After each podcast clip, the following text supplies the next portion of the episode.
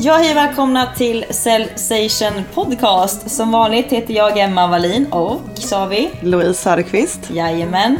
Och idag har vi den stora äran att äh, gästas utav Helene Barnekow. Och Louise, kan du berätta vad vi pratar med Helene om? Med Helene pratar vi om, eh, vi pratar om hennes karriärresa. Hon började ju internationellt och gick sedan tillbaks till, eh, till Sverige för att istället jobba där. Eh, vi pratar också om ja, men problemet med jämställdhet som finns inom ja, men försäljning men alltså branschspecifikt IT, tech, telekom. Eh, vad det beror på, vad man kan göra åt det, vilket ansvar företaget har eh, i det här. Eh, vi går också in på det känsliga ämnet kvotering och får höra Helens eh, syn på det här. Eh, sen kommer vi också in på ja, men, Helens eh, tid som VD på Telia Sverige. Utmaningar hon stötte på där men även framgångar hon eh, nådde. Det och, eh, och mycket mer. En hel del annat ja. Superintressant avsnitt. Så, vad Så, säger vi? Vi kör. Vi kör igång. Det kommer här.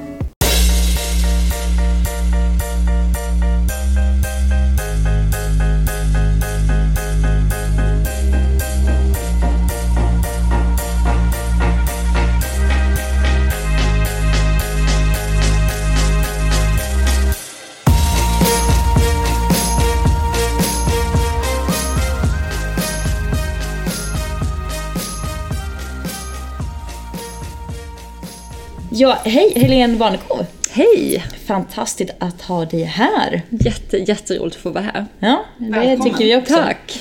Um, jag tror ändå att de flesta vet vem det är, men vi tänker ändå, kan du dra en liten kort intro, hisspitchen om, om dig själv innan vi Hiss kör igång på riktigt? Om mig själv? Ja, Okej, okay. då kör vi en, en ny hisspitch här. Um, Helene Barnekow, uh, född och uppväxt i Skåne, uh, bott lång tid utomlands, nästan bara jobbat internationellt i techbolag tills jag kom till Stockholm för fyra och ett halvt år sedan. Uh, på grund av jobbet på Telia faktiskt, som nog många känner till mig för. Och bor nu i Stockholm sedan fyra och ett halvt år. Snyggt! Snyggt! Mm. Kort och koncist, perfekt. Mycket bra. mycket, mycket bra. Eh, men vi ska alltså fortsätta bara gå in på din, din karriär som ju är jag imponerande. Det är säkert fler än bara jag och Emma med om. Eh, hur började det och hur hamnade du där du är idag? Ja, det är ju en väldigt bra fråga. Hur allting började egentligen. Eh, jag var ju uppväxt då nere i, i Skåne och eh, föräldrar som aldrig ville flytta någonstans. Och det enda jag visste var att jag ville flytta och att jag ville studera och, ehm, och jobba internationellt. Så jag fick åka till USA tidigt och plugga och sen pluggade jag i Paris och sen var mitt första jobb i Genève inom banksektorn faktiskt. Mm -hmm. Vilket inte alls var någon rolig, rolig uh, industri för mig på den tiden. Uh, slutet på 80-talet i Genève var en helt annan typ av finansbransch än idag. Men jag fick ju jobba extremt internationellt. Amerikansk bank, Genève var superinternationellt. Och sen jobbade jag bara internationellt i princip. Alla mina jobb jag har valt har jag valt med den, den, det filtret och har älskat det. Så jag har ju varit i alla, alla möjliga, vad ska man säga, mångfaldhetsorganisationer man kan tänka sig. Massa kulturer massa blandning. Men alltid egentligen hållit mig i innovationsbranscher, techbranscher, mobilt, IT etc. Och sen eh, har jag gjort, så kom jag ju in från det med, eh, jag var internationell ekonom, med marknadsperspektiv, kundperspektiv, eh, jobbar mycket med produktutvecklingsfrågor från ett kundperspektiv. Uh, och sen blev det mer och mer generalist, marknadsföring, channel, distribution och försäljning som liksom växte därifrån. Mm. Så så har väl min väg sett ut. Och när jag fick samtalet att, att flytta till Stockholm och jobba för, för en operatör så var det inte alls det jag tänkte. För då, jobbade jag, då bodde jag i Boston och var en sån här hotspot av innovation och ett ganska ungt företag. Men jag gillar ju förändringsresor. Och det är mm. egentligen det jag alltid har gått igång på. Alltid när jag fått det här samtalet om en ny förändringsresa som också har en resa där jag är utanför min comfort zone. De mm. gillar ju jag jättemycket. Och, mm. och det var det ju när jag skulle gå in på Telia. För det var, jag hade aldrig varit inne på en operatör telekom heller tidigare, även om jag hade varit i närbesläktade. Så då hoppade jag på det och haft fantastiska fyra och ett halvt år där hos dem. Och så hamnade jag där. Och sen att jag blev VD för Telia Sverige, då hade jag redan kommit in i ett annat jobb på Telia. Och mm. så ville man göra en förändring och då bad man mig ganska snabbt ta en annan roll. Så att jag tror att det handlar mycket om att veta vad man själv brinner för, hitta sin passion mm. och sen inte vara rädd utan säga ja till saker. Mm. Man vet ändå inte vad den där frågan kommer leda till. Så man måste ta de här lite, när man först tänker är det där verkligen jag? Så, och sen liksom satsa på det. Ja. Tror jag. Ja, man känner det suget i magen. Ja. Ja. Shit, borde jag Det verkligen ska göra känna det här, lite sug. Man ska känna men lite exakt. sug i magen, då, tror ska jag. man, då, Ja. då ska man göra det också. Ja, jag tror det faktiskt. Att man, det ska kännas lite grann sådär. Ja. Härligt. Mm. Nej, jag, jag gillar det. det. Det, ska, då man växer också som person. När man Ja, det- och inte det- heller precis. vet vad man faktiskt kastar, kastar sig in i. Utan Nej. bara, man bara kör ändå. Precis, och, annars så, och jag tror faktiskt att det är mycket det som du säger, att det är då man växer som person och då utmanas man på sätt som inte man kan förutse heller exakt. Det blir liksom andra typer av utmaningar där när man inte exakt vet och det tror jag är väldigt nyttigt. Exakt. Mm. Man har ju hört det många gånger att så här, eh, ja, men de grejerna som du, som du får, alltså de förfrågningar du får som känns helt galet är det du Ja. ska göra Ja, egentligen. ja. Om det är något du ska göra så är det det. Så, är det, så är det det man ska göra, precis. Men det är härligt när man har det själv. Ja. Att man faktiskt går igång på just Att man går igång på det, ja. Att man bara, shit fast, vad spännande, det här, det här ska vi köra på. Ja, Men tror du att det går att träna upp? Det tror jag absolut. Ja. Jag tror absolut att det går att träna upp. Jag tror att det är... Sen är det klart att man är olika som du säger. En del, har det, en del känner liksom att det är det man går igång på. Det är då det blir spännande. Medan andra känner åh gud det där låter lite läskigt. Jag vet inte, jag tror att jag stannar på det jag gör eller stannar mer i samma. Men jag tror det går att träna upp och jag tror att eh, om man vill så tror jag man kan träna upp det. Jag tror att de flesta som... När jag är ledare så försöker jag ju när jag ser att man har möjligheten så kan jag ju pusha folk utanför sin, sin comfort zone. För jag vet ju att de 99% av personerna gillar ju när de har hamnat där som jag har träffat. Och Ja. man lär sig massa. Och jag tror att man kan, eh, jag har ju sett när man, när man själv känner att ja, men det funkade ju. Jag hade ingen aning om detta men det här funkade ju. Nu gav det mig detta också, det här fungerade. Då vågar man ju nästa gång och då tränar man sig ju. Men man kan träna det genom att göra. Man kan inte träna genom att bara läsa på det eller fundera på det eller titta på någon annan. Utan om man gör det så Lite tränar som man en på muskel. det. Ja, Kan man säga. Kan man ju säga. Den blir Mm. större och Ja. modet blir större och större, större och större ju mer man gör. Ja. Mm, det är lite muskelträning. Ja, men Mm. snyggt. Du har ju varit i många olika, olika branscher. Mm. Och jag tänker mig att du har sett alltså, hur försäljning görs på väldigt många olika Ja. sätt också. Jag Ja. Mm. menar från banksektorn, den är ju väldigt komplex försäljning. Medan du kom in på telekom, där är det mer transaktionell, mer Mm. enkel, snabba processer. Um, där är det mer konsument. Ja. Men vad, vad, är din, eh, vad är din syn generellt på, Ja. på försäljning? Nej, men jag tror ju att, eh, jag tycker, för det första tycker jag att det är väldigt roligt och sen så tror jag att, ehm, eller inte tror, eh, vi vet ju alla som jobbar med det att det har hänt otroligt mycket på sistone. Jag tror att på ett sätt så kan man se på försäljning idag nästan lite paradoxalt för på ett sätt så kan man tycka att det blir mer automatiserat och det blir mer data analytics som driver det och man kan göra mer online och så vidare. Men å andra sidan så förväntar sig också um, tror jag, kunderna idag ett mycket, mycket mer individualiserat beteende. Eh, än man någonsin gjort förut. För man vet, att du, man vet att du kan, om du gör ditt jobb ordentligt, så kan du vara mycket mer in, personlig med mig. Ja.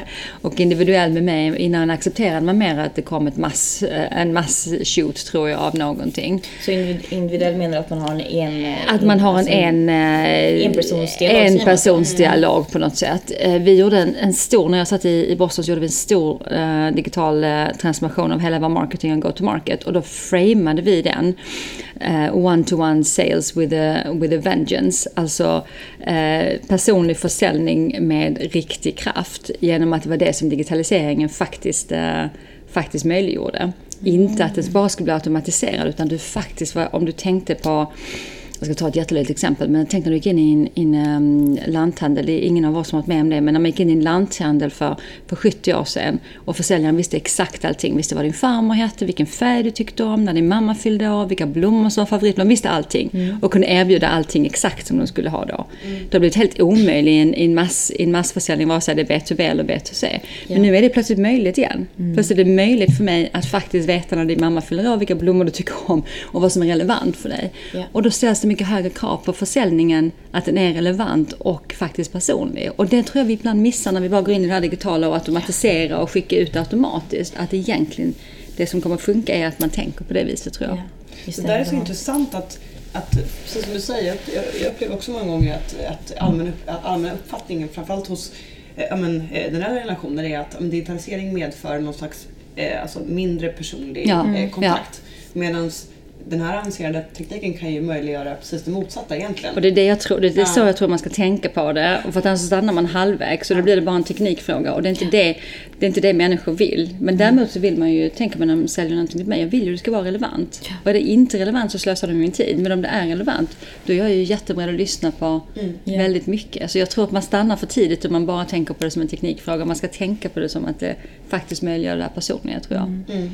Det är mycket det, alltså, mycket med digitaliseringen har blivit att information som tidigare bara kunde överföras person till person har istället blivit en process som går att skala på ett helt annat sätt. Just det. Och det är det som, som egentligen är utmaningen att förmedla egentligen för att få, Ja. Alltså få gemene man att förstå vad digitaliseringen faktiskt Ja, kan tror jag också. skapa egentligen. Och jag tror, jag tror det är samma, jag har haft många debatter i, i många mötesrum om, om när alla pratar fun, funnel fortfarande, tunnel fortfarande. Och den där tunneln, den, eller funnel, jag vet inte hur det är på svenska, blir så konstigt Ja, här. Ja, den är död för mig, den är död för länge sedan. Det är ju ingen som fungerar så längre. Att nu är jag i ett stadium där jag ska bli medveten om någonting. Nej, och nu ska jag gå in och consider och nu ska jag gå in och faktiskt klicka mig vidare. Utan det är ju en, en, en kundresa som går på alla möjliga sätt i många olika kanaler, både offline och online. Tills Yes. du kommer till det här läget att du faktiskt är mogen att fatta ett beslut. Och då, blir, då är det också mer som en relation egentligen, än vad det är som att det är en automatiserad standard. Så jag tror att det är en, en paradox att titta på hur man använder tekniken men ändå tänker som en kund och tänker utifrån det och tänker hur kunden vill faktiskt bli bemött på ett personligt sätt. För det tror jag gäller mer än någonsin. Ja, och där känns det som att B2C-bolagen har kommit väldigt långt. Mm. De vet, de har kunnat mappat upp liksom kundresan i ett helt, annat fokus. Ja, Men att ja. man B2B fortfarande är kvar lite mer Ja. det här traditionella tänket. Ja. Att det är svårare kanske också eh, göra om den strategin kan jag tänka mig. För att det är lite mer komplext än när det Ja, är, det är kons- konsument. Ja. Vad, har du några liksom, nycklar för hur man kan Ja. jobba med det där om man kom, jobbar mot B2B primärt? liksom? ja. Jag tror att, eh, jag- först håller med dig, jag tror att eh, om man generaliserar så har Bet- B2C-försäljning och go-to-market kommit lite längre i, i det här och kanske också som du säger lite enklare ofta att ändra hela, hela go-to-marketen. Jag tror att ehm, eh, en sak att göra som vi, ju, som vi ju jobbade väldigt mycket med på mitt tidigare bolag BMC och som vi delvis har jobbat med här också är ju att, att ehm, faktiskt tänka mycket mer på kundens... och det här låter också kanske inte så, det kanske inte är så, så avancerat egentligen men att, att hela tiden tänka sig in mycket mer i vad, vad är det som är relevant för kunden. Om du ska sälja eh, backup-system till exempel, det är ju inte så jätteroligt Ehm, att göra det kanske. Eh, eller det kan vara roligt att sälja men det kanske inte är så jätteroligt att tänka nytt hela tiden. Men om man nu tänker på vad är, vad är kundens pain point? Ja. Vad är verkligen kundens pain point? Det är ju inte att man behöver ha ditt backup-system just nu. nu. Men när någonting går ner och någonting inte fungerar och man har just har köpt fyra olika företag och ingen har samma, samma backup-system. Vad är det för värde som kan gå till spillo? Vad är det för lösningar du kan erbjuda som faktiskt bara du kan erbjuda i det här läget? Eller hur mycket pain point kan du ta bort när, när en kund ska migrera som inte kommer hända annars? Om de har gjort allt det, kan de öka sin innovationskraft för att de inte håller på med de här gamla eh, hygiensakerna? Kan du då faktiskt prata innovation med dem? Om du kan plocka bort allt det här och du kan prata innovation med dem, vad händer då i din försäljningsprocess? Så jag tror att om man, om man kan om man kan utmana sig själv på det viset så betyder inte det att varje försäljningsprocess plötsligt handlar om innovation. Men ditt sätt att tänka på kunden kommer att handla om någonting helt annat än att du bara ska fylla din kvota med att sälja mer backup-system idag. Och den, den mindset-shiften, den känner kunderna om man gör den. Den tror jag är oerhört viktig faktiskt i B2B-cykeln. Ja, jag håller med. Just när det- att vara superrelevant i alla, alla delar. Ja. Det handlar också om att man också ska våga frångå det här äh, att man ska bearbeta alla bolag. F- Fokusera liksom på en mindre grupp och göra det Just det. super... Alltså med kvalitet och med relevans Ja, ja. i varje liksom dialog. För då Precis. kan man lägga den extra tiden det faktiskt tar. Verkligen. Och då tror jag också man lyckas med att, att ehm, bli mer relevant för kunden med olika, olika grupper inne hos kunden. Så att Ja. man inte kanske bara säljer till eh, en systemägare som köper upp någonting på IT-sidan. Utan man faktiskt kan ha en dialog som kommer att dra in många fler eh, stakeholders hos kunden. Och då ökar man gärna sin relevans och då, kommer man komma, då hamnar man alltid, i min erfarenhet nästan, att jag har gjort det här i många i olika företag faktiskt. Då hamnar man nästan alltid i dialog där man hittar möjligheter och saker man kan göra tillsammans som inte man skulle veta från en ren, eh, skriv, i en ren stovepipe-diskussion med bara en person. Man skulle aldrig ens komma på det. Och det tror jag är något av som är verkligen är value add av, av en en riktigt bra fungerande B2B eh, försäljningsorganisation. Inom försäljning och även specifika branscher som du har varit aktiv inom, alltså Mm. IT, tech, telekom, är alltså framstående branscher där det är alltså väldigt få kvinnor som är Mm. verksamma. Vad tror du att det beror på så fortfarande? Liksom? Ja, det här är ju så sorgligt när man, när ja, man det tänker det. Varje gång man måste säga det för att det är sant så känner man lite sorg inom sig, tycker jag, att det är Ja. så fortfarande. Och jag, jag tänker att, det, att det, det finns ju alltid många, många förklaringar till det och det finns ju en del som säkert är en del är, om man liksom tänker så här, man kan dela upp dem i faktiska saker. Sen ehm, det som kanske har att göra med perception och image. Ehm, så tror jag att det är en, blandning av båda. Det finns nog en, en jag tror inte att de branscherna, eh, alltså techbranscher och om man kopplar det med försäljning, har varit tillräckligt duktiga på att komma igenom och visa kvinnor hur roligt det är. Det är ju så jätteroligt att jobba inom de branscherna. Jag älskar att jobba inom de branscherna och har nästan bara gjort det eh, förutom i början när jag jobbade med bank. Men jag tror inte man, man kommer inte igenom, man kan inte ändra sin image på det tillräckligt. Man har inte ändrat tillräckligt mycket på att visa, man når inte kvinnor tillräckligt mycket för att visa hur fantastiskt roligt det är. Och det har ju delvis med perception att göra, men det har ju också med fakta att göra. Det är, man har ju alldeles för få förebilder. I de flesta av de bolagen finns det få kvinnor i ledningsgrupperna. Det finns få kvinnor som har de höga säljpositionerna, som är eh, stora chefer för stora säljorganisationer. Eh, många gånger hittar man, ju, hittar man ju skillnader, löneskillnader, befordringsskillnader och så vidare. Och det är ju, det är ju fakta. Att det då kanske är mycket enklare att gå in och jobba med försäljning med, inom, eh, jag vet inte, fast moving goods eller kosmetika, hår eller- hår eller någonting annat när man, när man är kvinna. Och då blir det en fakta. Eh, och det är väldigt, väldigt tråkigt. När, när jag var på EMC så eh, hade vi väldigt svårt att attrahera kvinnor till eh, försäljning. När de vi lyckades attrahera och behålla, eh, de, de blev nästan alltid de bästa performers. Och det har jag hört många andra som har sagt i många andra organisationer att när man väl lyckas att skapa, eh, skapa den miljön där kvinnor trivs i så är det nästan, och det tror jag kan ha mycket att göra med det vi pratade tidigare. Det här helhetsgreppet och relationsbiten och så vidare. Eh, Men en, en jätte, jätte... Jag tycker verkligen att det är både sorgligt och det är också väldigt allvarligt att man inte får in, eh, kan locka till sig den kompetensen som, som finns där ute Ja. i kvinnorna. Vad, vad kan du säga, eller vad tror du, vad har företag egent- egentligen för ansvar för att liksom försöka ja, men motverka och få mer jämställd personalstyrka? Massor. Alltså, det tycker jag ligger på... eh, Det ligger i... För, det är företagets ansvar och det är alla ledares ansvar. Och det är ett ansvar man har varje dag. Både för att skapa... Eh, både för att skapa rätt förutsättningar. Jag kan ju berätta om, om eh, utan att nämna företag, jag kan ju berätta om, om företag jag har varit på där, där man får höra att, eh, att man är den enda kvinnan och så är det liksom 20 män runt omkring en när man ska åka på någon konferens i, i Las Vegas eller någonting. Man får höra att eh, man måste stanna uppe till senast på, på baren annars får man inte vara med och fatta beslut. Det där är helt oacceptabelt. Ah, shit. Det är fullkomligt Wow. oacceptabelt. Och det finns säkert många sådana uttalade eller outtalade bolag som gör att man som kvinna inte vill vara där och inte känner att det är den miljön man faktiskt vill befinna sig i och inte behöver känna att man tvingas befinna sig i. Så att företagens ansvar är att hantera de miljöerna. Företagens ansvar är att se till att, eh, att man upplever som att man verkligen behandlar jämlika erfarenheter. Jag tror att det är sådana här enkla saker också. Hur projicerar du dig själv när du går på en gå till universitet och rekrytera folk eller hur du skriver dina annonser eller hur du, alla de här sakerna. Och sen tror jag att det handlar om att, att man visar att det är allvar, att man faktiskt har mixade ledningsgrupper, att man har förebilder i varje företag som är kvinnor. Att man visar att det inte finns ett glastak. Ja. Och då och liksom att, attackerar man de här sakerna seriöst så tror jag att, att man kommer... Och det är ju ens ansvar, för ens ansvar är för de bästa talangerna. Och har man plockat bort halva marknaden nästan för att kvinnor inte vill söka så har man inte gjort sitt jobb som ledare eller Nej. företag, tycker jag. Jag tänkte på det alltså med, med bakgrund till att, eh, för det är ett problem att så här, det finns inte tillräckligt många kvinnliga förebilder och i ledningsgrupper så är det ojämställt och allt sånt där. Eh, Och kvotering har ju diskuterats Ja. eh, jätteaktivt senaste, senaste åren liksom fram och tillbaks för att det är så liten andel kvinnor på styrelsepositioner och chefspositioner.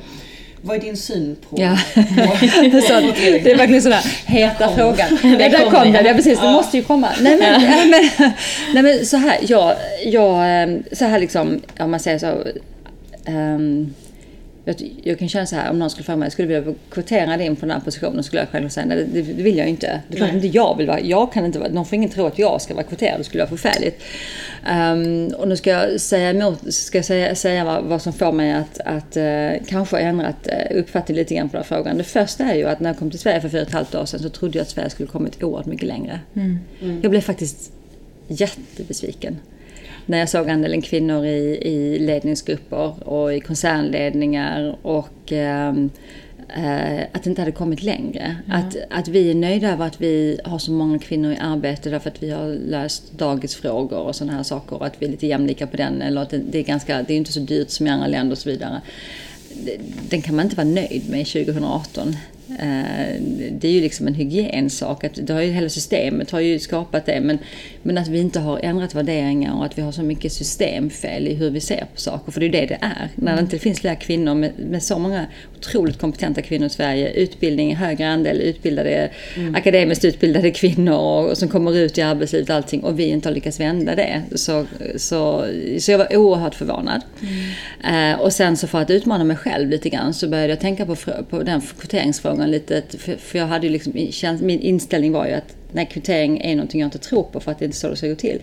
Och så vände jag på den här frågan inför mig själv och så började jag säga så till mig själv när jag kom till Sverige. Men när jag går in i ett rum, och det, det är verkligen inte pekat i någon speciell inriktning, men jag har ju varit i hur många mötesrum som helst. Där de männen som är där inte skulle varit där om män och kvinnor hade, hade mm. konkurrerat på lika villkor. Oh, för att där sitter ju hur många inkompetenta män som helst. Och då är de ju på något sätt inkvoterade för att de valdes för att de var i den gruppen som är män och det är de man väljer ifrån. Så jag har utmanat mig själv att tänka lite annorlunda mm. på den här. Eh, och då kan jag faktiskt känna så idag att om inte, om inte det går fortfarande, och Allbright-rapporten är ju otroligt bra tycker jag. Mm. Eh, men om inte, det, om inte det går fortare, nej men då måste man kanske införa vissa kvoter som driver, som inte, för att så här lång tid kan det ju inte få ta. Nej. Det kan inte få ta så här lång tid som, som det gör. Och det ju, handlar ju både om, um, det, det, handlar ju om rättvisefrågor, det handlar om ekonomiska frågor, det handlar om, om um, strukturförändringar i större samhället. För allt det här hänger ju ihop. Det hänger mm. ihop med hur du ser på hållbarhet i ditt samhälle och hur du ser på koncernledningssammansättningar yeah. till exempel. Och, och så här lång tid kan det inte få ta i ett av världens mest progressiva länder. Mm. Det, alltså, det där är verkligen för att jag precis som, som du alltså verkligen, verkligen varit emot kvotering. Alltså, så när, alltså när jag pluggade, ja. pluggade på universitetet ja. och liksom, jag förstod inte riktigt Alltså när, när jag var liksom i den akademiska världen och pluggade på Ekonomiaskolan där det var så här, det var, var fler tjejer, tjejerna var bättre, ja, vi, lyckades bättre, vi fick bättre betyg, vi var mer framstående i, i engagemang, ja. allt, allt sånt där. Så jag har verkligen suttit och jag bara, vad, vad, vad är problemet? Vad det här är kommer problemet? Ju, här, kommer, här kommer vi ja. liksom. Det här är ja. ju inga problem. Vi kommer ta allting. Kommer ut i arbetslivet och bara, jaha. Här, här, var är alla tjejer typ? Ja. Och då, ja. det är precis som du det kan inte få ta så här lång tid. För jag tror att en Nej. fara är som man ofta hör att så här, men det är på G med generationsskifte mm, och men det, nej, alltså. Det löser sig, det, det, löser sig inte det. Nej, det gör inte det. Alltså, så, här, så då, sen, sen dess har jag verkligen ändrat helt det så här. Nej, jag kanske inte har liksom som karriärmål att bli inkvoterad i en styrelse. Jag vill bara Nej. sitta i en styrelse. Men ja, det, det är det som krävs. krävs. Ja, men ja. precis. Då, ja. då tar jag hellre, hellre en kvoterad plats än ingen plats alls. Men det är jätteintressant det du säger nu. För när jag pluggade då på samma universitet som du för ja. väldigt många år sedan. Eh, jag gick ut där från 90, vad var det, 89 gick jag ut. Hur länge sedan är du? jag vill inte ens tänka på det. Ja, det är snart 30 år sedan.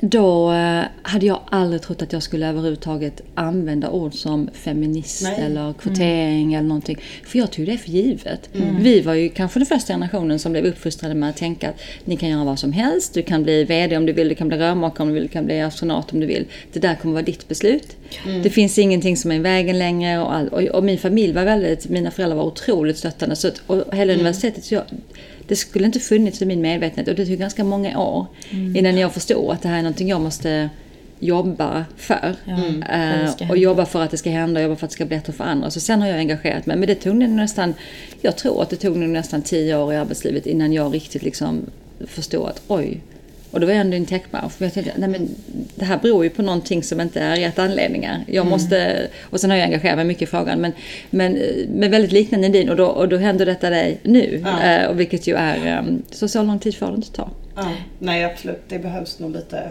hjälp på traven där. Ja. Känns det som. det känns som det, uppenbarligen. Ja. uppenbarligen ja. ja. Men Helene, du har ju varit VD på, på Telia. Mm. Och eh, vad skulle du säga var du mest stolt över den tiden och eh, vad var den största utmaningen där? Under den tiden? Ja, den största utmaningen. Uh, det här var ju för mig ett helt annat... Jag som bara hade jobbat internationellt. Mm. Uh, och när jag kom in i Telia Company så hade jag en internationell uh, position också det första året. Och sen blev jag ombedd att ta VD-jobbet för Telia Sverige. Och det här, var, det här är ett av de mest svenska jobb man kan man kan tänka sig. Mm. Det är ju ett extremt svenskt jobb. Så om man pratar om utan, utanför sin comfort zone, så jag som bara hade jobbat, jag har jobbat jättemycket i Asien, i USA, jättemycket Latinamerika och hade ju aldrig jobbat i ett svenskt sammanhang. Det är riktig krock. Med riktigt så här, med, mm. med allting när allting är svenskt. Reglerade ja. marknader, politiska impacter och Telia som alla svenskar äger aktier i. Alltså det finns så många kopplingar som gör att det är så väldigt svenskt. Så för mig var det en jätte, jätte, jätte utmaning att bara förstå alla sambanden. Och hur stort, hur stort och viktigt det var för Sverige och, och vilka effekter allting fick. Vad man mm. fattade beslut om. Eh, det var en jätteutmaning. Men om man ska säga de här åren vad den stora utmaningen för företaget har varit skulle jag säga och, och, för de ledarna som jobbar där inne så är det ju att det är ju det är en jätte, jättestor affär. En 35 miljarders affär bara i Sverige. Och samtidigt som man ska hålla en sån stor affär och ni som har jobbat med försäljning, man ska hålla igång en stor affär med allt vad det innebär så ska man också göra en enormt stor transformationsresa och kanske en av de största som görs i Sverige. Ja. Där man ska ändra på allt ifrån eh, hur man jobbar med sina kunder, hur man servar sina kunder, vad det är man säljer, vilka erbjudanden man har, var man tjänar sina pengar ifrån. Man ska ändra alla sina interna system och man ändrar till och med infrastrukturen i Sverige där man kopplar ner koppar och lägger fiber och bygger mobilt. Mm. Så det finns nästan ingenting man inte ändrar. Nej. Och det är ett 165 år ungt företag brukar jag säga för det har ju ändrats så många gånger. Så det finns ju massor av värden man vill ta med sig. Och så finns det massor med nytt man måste sätta eh, för att man ska kunna leverera till sina kunder på det viset som man förväntar sig 2018 och, ja. och, och därutöver. Och hela den enorma agendan som ska göras på ganska komprimerad tid, det är ju en enorm utmaning för alla som, som jobbar där inne. Det finns ingen som inte känner av den enorma och jobbar väldigt, väldigt mycket för det. Som gör det extremt spännande för man gör ju någonting som är väldigt, väldigt viktigt för ett land och det är kanske är en av de största motivationerna med att jobba i den typen av organisationer faktiskt. Mm. Det, det, det, och det är mycket jag är stolt över. Inte minst skulle jag säga att, um, att vi satte någonting som jag tror är extremt viktigt på högt på agendan som, som kanske inte kom i DNA på samma sätt när man är ett sånt etablerat bolag under 165 år som, som jag är döpte till kundbesatthet. Att man verkligen att man verkligen lever. Det, jag tror det är så otroligt viktigt i en digitaliserad värld att man eh, ännu mer än i en analog värld så tror jag det här med kundbesatthet och att man hela tiden tänker utifrån in är extremt avgörande för hur lyckosam Eh, och långsiktig man kan vara i sin affär. Och den tror jag vi eh, satte väldigt högt på eh, och att det verkligen fick genomslag. Vi drev väldigt, väldigt starkt. Vi, och när man pratar om att driva saker starkt så för mig handlar det väldigt mycket om vad man gör själv som ledare. Att man faktiskt själv, inte att man skriver slides om det, för det där är väldigt enkelt. Mm. Men att man faktiskt gör och lever efter saker så att en organisation börjar flytta sig så mycket i en riktning att även om man är 6000 personer i organisationen eller fler så kan man inte flytta sig tillbaka sen för det blir, så, det blir en ny stark del mm. av ditt DNA. Och jag tror att det har blivit det och det tror jag är extremt viktigt långsiktigt för, för Telia. Mm. Sen är jag ju väldigt stolt över att, ehm, att det blev så eh, starka, tala om vad vi pratade om tidigare, det blev väldigt, väldigt starka team. En enormt stark ledningsgrupp, starka team runt omkring. 50% eh, kvinnor i den ledningsgruppen, som inte, jag satte som ett mål, men som vi absolut så jag kommer att driva mot, mot jämlikhet. Och då blev det 50% när vi tog de bästa på alla positionerna. Mm. Att man byggde in jämlikhet och, och mångfald i arbetet. För det är någonting man gör varje dag. Det är ingenting man gör, pratar om en gång om året och kollar sina siffror. Det är jag otroligt, otroligt stolt för. För det är sånt som man måste, man måste sätta det i, eh, i... Eh, och att det blev en väldigt, eh, skulle jag säga, öppen och ehm, eh, öppet klimat, vilket är oerhört viktigt att komma tillbaka nu till vad vi pratar om, ens relevans med kunder, inte minst på B2B-sidan där man eh, har gjort många nya, otroligt många nya spännande affärer som har varit baserade på innovation och hittat helt nya affärsmodeller med sina kunder, vilket är helt avgörande för, för etablerade telcos i, där B2B-affären har en helt annan konkurrensutsatthet än vad man hade tidigare. Mm. Mm. Det där är så, alltså, det är så intressant, en grej du nämnde att, eh, nej, att alltså, jämställdhetsarbete är någonting man jobbar med varje dag. Ja, Men typ hos alla företag så är det så här när man ska göra någon företagspresentation så numera så har alla upptäckt att man måste nämna jämställdhet på Ja, något just sätt. det. är rätt i tiderna och sånt här och alla nämner att man jobbar så starkt med det. Ja. Men jag har aldrig sett det i några värderingar som ett företag Nej, det är sant. sig som. Det är Men sant. så här, som att så här, Det här måste är vara med. Och sen så typ ef- efter hur vi jobbar med digitalisering så Ja. har vi jämställdheten Ja. som ett Ja, just det. projekt som Så liksom- nämner man det Ja. någonstans där ja. Nej. Ja, det, det, var bara, det var bara en kul grej att uppmärksamma det. För jag har verkligen tänkt på att det är så här, men snälla, alltså Ja. ibland. Nej, det och, jag, och man måste precis, och jag tror att det, är- det är samma när man pratar hållbarhet. Man måste bestämma sig för om, man, om de där sakerna är viktiga på riktigt. Då måste man bestämma vad är det man gör i sitt dagliga arbete som gör att det här verkligen kommer att ändra eh, någonting. Jag kan ta ett par exempel som när som HR-avdelningen på Telia gjorde som var väldigt bra. Det var ju bara hur man utformar annonser och vem som läste annonserna. Att det var kvinnor som läste annonser och vi, och vi tog unga som kom som du direkt från skolan som fick läsa de här annonserna. Så att, och det var ju jättemånga som bara rakt föll igenom. Jättemanligt skrivet och manliga bilder för det är så de alltid hade gjort. Ja. Eller att vi, ehm, det här har jag kört på alla mina eh, bolag sen jag, sen jag fick min, min insikt då, eh, ett tag efter skolan när jag blev ledare. Att jag kommer inte skriva på en enda rek om inte det är både kvinnor och män i pipelinen. Jag kommer alltså inte skriva på. Och alltid när jag går in i ett nytt bolag så får jag en massa där det bara, "Åh, men han är bäst på jobbet. Ja, vad var pipelinen med kvinnor? Ja, det fanns inga. Men då vet jag ju att rekryterarna inte har gjort sitt jobb. För jag vet ju att de finns. Och när man skickar tillbaka två, tre, fyra sådana och alla säger att Åh, vi kommer inte kunna leverera för jag måste in den här personen nu. Och man förstår att okej, vi kommer inte, det är inte på grund av att inte hon skriver på utan det är för att jag faktiskt inte gjorde det jobbet jag skulle gjort som ledare, det vill säga att få fram pipeline med män och kvinnor. Då slutar de komma. Då slutar de komma och plötsligt så hittar både rekryteringsbyråerna och ens egna interna rekryterare kompetenta kvinnor. Just det. Och sen så anställer man den bästa personen. Men om man, om man tvingar fram att kompetenta kvinnor kommer fram i pipelinen och kompetenta män. Då kommer det börja jämna ut sig att man anställer blandat. För, Ja. de, för vi vet ju att de finns. Ja. Det är ju inte att, om inte de fanns var det, men vi vet ju att de finns. Ja. Så om man tvingar, om man, och, och, bygger man in sådana saker då blir det någonting man gör i vardagen. Då blir det ingenting man gör när man står på en, en årskonferens och ska säga att vi är ett jämlikt bolag. Utan då jobbar man med frågorna. Det tror jag är jätteviktigt. Är riktigt bra. Eh, Helene, eh, baserat på det du, du vet idag när du Mm. har gått igenom, alltså, kommit så pass långt i din karriär. Eh, om du fick möta dig själv i början, vilka råd hade du då gett dig själv? Ehm, jag tror att en sak jag lärde, jag ska komma tillbaka, jag ska avsluta med den som vi precis pratade om tror jag, men, men jag skulle, det första jag skulle göra som jag har lärt mig på vägen det är att ställa den bästa frågan som finns, vilket ofta är varför. Det frågar jag aldrig mig själv när jag var yngre. Jag, jag var som en leveransmaskin som kastade mig överallt som var spännande och så skulle jag bara leverera till det bästa. Men den här frågan varför till sig själv, men även till en massa människor runt omkring en, är oerhört... eh, Den, den är, det finns en enorm kraft i den. För ofta har man inte reflekterat riktigt. Varför just detta? Eller varför just på det viset? Eller varför? Och man öppnar upp väldigt mycket. Jag, jag tror när jag var ung så öppnade jag inte upp så mycket. Jag levererade mest. Eh, Så jag skulle ställa mig frågan varför. Jag försöker påminna mig själv och glömmer det fortfarande ibland för att jag gillar att göra saker snabbt. Så jag får ju fortfarande stoppa mig själv och tänka, men vänta varför? Varför? Var det här nu rätt sätt att tänka på detta? Varför gjorde vi precis så här? Så frågan varför skulle jag göra mycket, mycket mer. Eh, Jag skulle mm, ha mycket, mycket snabbare plockat upp den här frågan som du plockade upp så fort du kom ut efter universitetet och förstått eh, jag eh, hamnade ju snabbt, jag älskar ju mångfald, så jag hamnade ju snabbt, snabbt i mångfald när det gäller kultur eftersom jag jobbar internationellt. Jag älskar ju det, att det satt eh, eh, malayser, kineser, japaner, eh, eh, arabländer och europeiska länder vid samma bord. Jag fick jobba vid det bordet och jag tyckte det var det roligaste som fanns. Men det var ju inga kvinnor.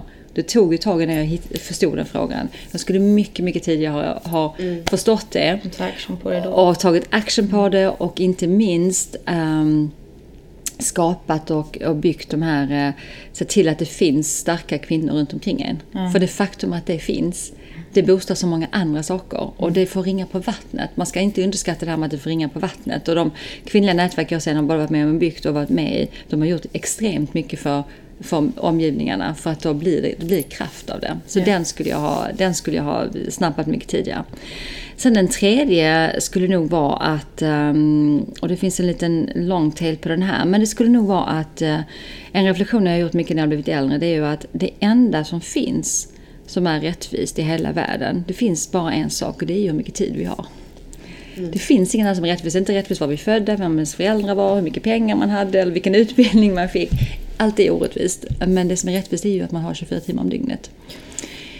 Och det, det har jag blivit mycket, mycket mer um, fokuserad på. Vad gör jag med mina 24 timmar om dygnet? Och var är det värt att spendera sina 24 timmar om dygnet? För de kommer aldrig komma tillbaka. Uh, och det är det mest värdefulla du har. Uh, och det är faktiskt det som gör att du själv utvecklas och lär dig. Det är ju vad du gör med de 24 timmarna. Mm. Och där var, jag, eh, där var jag jätteslarvig till bara för några år sedan. Att, eh, att jag liksom såg min, min egen tid som någon slags obegränsad bank som alla andra kunde plocka ut av. Mm. Och jag kunde ge hur mycket som helst till de företag jag satt i eller hur, de projekt jag satt i. Var, även om jag tyckte att det var fel sätt att investera min tid. Um, så att jag är mycket mer mindful på hur jag spenderar min tid. Um, kan det leda till någonting? Är det, är det fruktbart? Mm. Är det också de människorna jag ska spendera min tid med? Eh, jag tror att ibland så får jag frågor från unga kvinnor. Vad ska jag göra om jag jobbar för, för en chef som aldrig kommer att promota mig? Bestäm dig för hur mycket, tid, hur mycket tid du vill lägga. Du får ut någonting. Sen ska du söka ett annat jobb. För du kommer inte komma någonstans till exempel. Just så jag tror tid är en väldigt bra sak att reflektera över. Det hade jag gjort mig själv. Det knyter ju tillbaka till varför.